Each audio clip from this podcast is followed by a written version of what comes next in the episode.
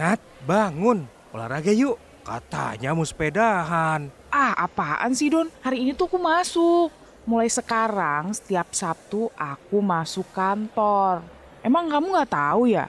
Di Perpu Ciptaker yang baru aja dikeluarkan pemerintah, libur kita tuh dipangkas jadi satu hari aja, hari Minggu.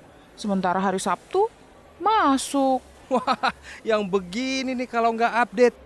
Perpu Ciptaker itu baru akan dibahas di DPR nanti. Menurut Wakil Ketua DPR RI Bapak Sufmi Dasko Ahmad, pihaknya sedang mempelajari dan akan dibahas di DPR pada masa sidang ini. Menurut Undang-Undang 1945, DPR mempunyai hak untuk menerima atau menolak perpu yang dikeluarkan Presiden. Tentang Cipta Kerja. Untuk pembahasan tentang perpu, kita akan juga sesuaikan dengan mekanisme di apa namanya Undang-Undang Peraturan Pembuatan Undang-Undang. Dan itu ada uh, rinci di situ dan kita akan ikuti sesuai mekanisme yang ada. Oh, jadi kita masih nunggu keputusan dari DPR ya, Don?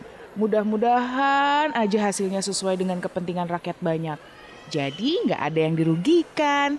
Iya Nadia, kita berharap wakil-wakil kita di DPR nantinya akan menyuarakan aspirasi kita semua. Sehingga harapanmu dan harapan kita semua dapat terwakili di parlemen. Nah, kalau gitu aku lanjut tidur lagi ya, Don.